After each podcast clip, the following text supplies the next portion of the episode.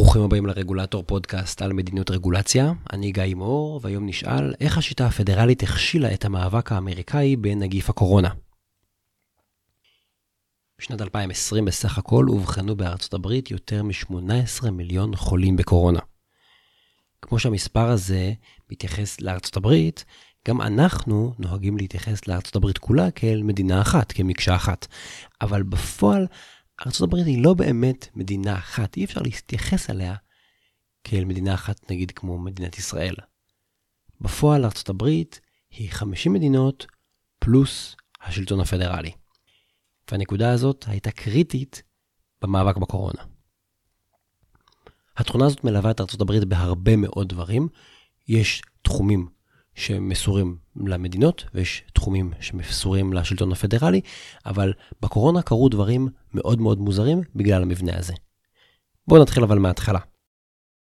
במערכת הפדרלית, הסמכויות השלטוניות מחולקות בין המדינות לבין השלטון הפדרלי.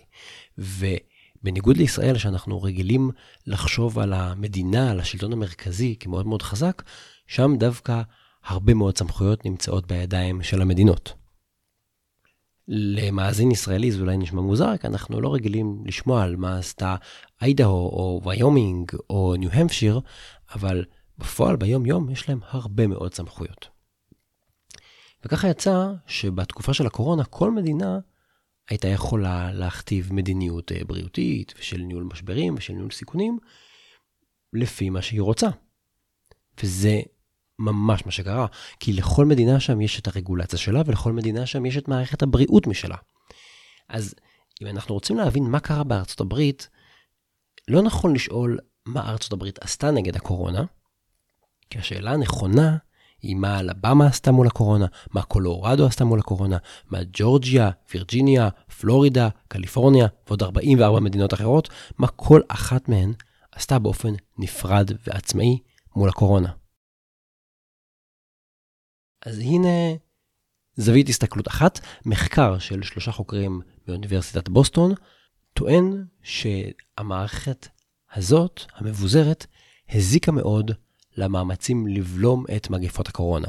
העובדה שהרבה מאוד דברים קרו ברמה המדינתית, וזה אומר 50 מדינות שכל אחת עושה מה שהיא רוצה, מאוד מאוד החלישה את האפקטיביות. מה שהם אומרים במחקר זה שבגלל שהמדינות מחזיקות ברוב הסמכויות בתחום בריאות הציבור, לא הייתה מדיניות אחת לטפל בקורונה. היו עשרות מסגרות של מדיניות שגם השתנו כל אחת בזמן שלה. והתוצאה כצפוי היא מאמצים לא עקביים ולפעמים אפילו מאמצים סותרים. קחו לדוגמה את השאלה, מתי מכריזים על התפרצות של הנגיף? ולהכרזה הזאת יש הרבה משמעות, כי ברגע שמכריזים שנגיף יתפרץ בעיר או במחוז או במדינה מסוימת, אז זה מפעיל שורה של צעדים רגולטוריים, מגבלות ובתי החולים נכנסים לכוננות. אז לכל מדינה יש הגדרה משלה. למשל, במדינת מישיגן מכריזים על התפרצות אם באותו מקום עבודה שני עובדים נדבקו במחלה. אבל באיווה למשל, הם מכריזים על התפרצות רק אחרי שלפחות 10% מהעובדים במקום עבודה נדבקו.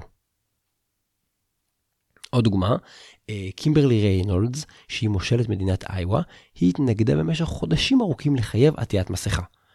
מה שלנו כבר נראה די אינטואיטיבי בישראל, אז לא. באיווה לא היו חייבים לעטות מסכה, חלק עטו, חלק לא. באופן טבעי הרבה פחות אנשים. רק באמצע חודש נובמבר היא חתמה סוף סוף על רגולציה שמחייבת עטיית מסכות. אבל גם הרגולציה הזאת חלה רק על אנשים מעל גיל 20 ורק בחללים סגורים. עכשיו, לשם ההשוואה, תראו כמה זה רחוק אחד מהשני. במדינת ניו יורק, החובה לעטות מסכה נקבעה כבר באפריל, שבאיווה זה בנובמבר, והחובה בניו יורק חלה על כל מי שמלאו לו שנתיים. כן, שנתיים, גם תינוקות. אז באיווה חייבים היום לעטות מסכה אם אתם מעל גיל 20, בניו יורק, מגיל שנתיים. עכשיו הסיפור הוא שלא משנה מי צודק, לא משנה מה יותר נכון. השני ממש ממש טועה. אולי תשאלו, מה לגבי הוראות של השלטון הפדרלי? איפה הם נמצאים? איפה ה-FDA ואיפה ה-CDC? אז לפעמים ההוראות וההנחיות שלהם עוזרות, אבל בהרבה מקרים לא. כי פשוט אין להם סמכות לומר למדינות איך לפעול.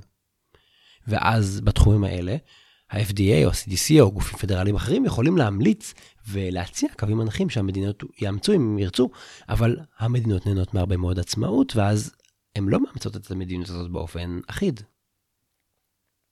וזה גם לא נגמר ברגולציה. השונות קיימת בעוד היבטים, כמו מערכת הבריאות למשל. במדינת מיסיסיפי יש תנאי סף מאוד מחמירים לקבלת שירותי בריאות בתוכנית מדיקייד. וככה יוצא שמעט אנשים יחסית זכאים לשירותי בריאות ציבוריים. וזה אומר השתתפות גם בבדיקות ובאשפוזים ודברים כאלה. אז באזורים הכפריים והיותר עניים של מיסיסיפי, יש הרבה אנשים עניים בלי ביטוח בריאות פרטי. וזה אומר שהם גם לא יפנו לטיפול רפואי, אם הם מרגישים לא טוב, ויש סיכוי שהם יחלו באופן יותר קשה, ויש סיכוי שאולי הם גם ידביקו אנשים אחרים. מיסיסיפי בולטת בהשוואה למדינות אחרות, שבהן מערכת הבריאות הציבורית עובדת אחרת, אבל זה לא שיש מיסיסיפי וכל היתר, יש פה הרבה מאוד דרגות והרבה מאוד שונויות. ומה שאנחנו רואים לגבי נושא ההכרזות ולגבי נושא המסכות וגם לגבי מערכת הבריאות עצמה, הפערים בין המדינות יכולים להיות דרמטיים כשמדובר בטיפול במחלה. יש שונות במדיניות גם לגבי בידוד ובדיקות והמגבלות שחלות על עסקים ועל אזרחים וגם איך מנהלים את המשבר הזה ואיך נותנים טיפולים רפואיים.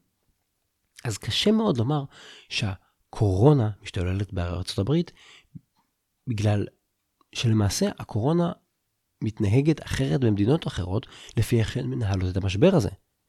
וכמובן שגם השלטון הפדרלי משפיע, וגם מעבר של אנשים בין מדינות משפיע. אבל אי אפשר להסתכל על, על ארה"ב כעל מערכת אחת הומוגנית. היא לא ככה, ולכן גם ההתפרצות של הקורונה נראית שם אחרת. וכמובן שכל זה יהיה עוד יותר מורכב ככל שיתקדם שם מבצע החיסונים, שמאוד תלוי ברגולציה המדינתית, במערכת הבריאות המדינתית וגם בלוגיסטיקה ברמה המקומית. המאמר שהזכרתי טוען שהכישלון האמריקאי בטיפול בקורונה נעוץ קודם כל במבנה הפדרלי והרב-שכבתי של ארה"ב, שהוא מאוד מאוד מבוזר, וגורם לזה שיש שונות בין המדינות, והן לא מצליחות לייצר מדיניות מתואמת ואחידה. צריך להגיד שזאת רק עמדה אחת. אני חושב שלפלורליזם השלטוני הזה יכולים גם להיות הרבה מאוד יתרונות. למשל, הוא מאפשר לנסות כל מיני גישות ולראות מה עובד. אגב, זה נכון לא רק בקורונה, זה יכול להיות טוב גם בחינוך, ברישוי עסקים או במדיניות של תשתיות. אבל אנחנו יכולים להפיק את המרב מהפלורליזם הזה רק אם המדינות פתוחות ללמוד אחת מהשנייה ולאמץ פרקטיקות שעובדות. כי אם כל אחת עושה מה שהיא רוצה כל הזמן, אז אין פה באמת מערכת אחת שיכולה ללמוד ולתאם ובסוף לאמץ את מה שטוב, אלא פשוט, פשוט בלאגן. אז כדאי שגם תהיה שאיפה להתכנס בסוף למדיניות אחידה למדיניות שהוכחה כמוצלחת. כי בסוף כדאי שנעשה מה שטוב, מה שעובד, מה שמוכח. בשבועות ובחודשים הקרובים אנחנו נראה איך מבצע החיסונים בארצות הברית יתקדם, ושוב, אל תחשבו על זה כארצות הברית, תחשבו על קליפורניה, תחשבו על אורגון, תחשבו על אלינויז, תחשבו על איווה. אפשר רק לקוות שהמדינות החלשות ילמדו מהמדינות החזקות ויאמצו פתרונות שעובדים, ולאט לאט המצב ישתפר. זהו, עד כאן להיום, תודה רבה שהאזנתם לעוד פרק של הרגולטור, אני גיא מור. אתם מוזמנים לעמוד הפייסבוק שלי, אתם מוזמנים לעקוב גם בטלגרם.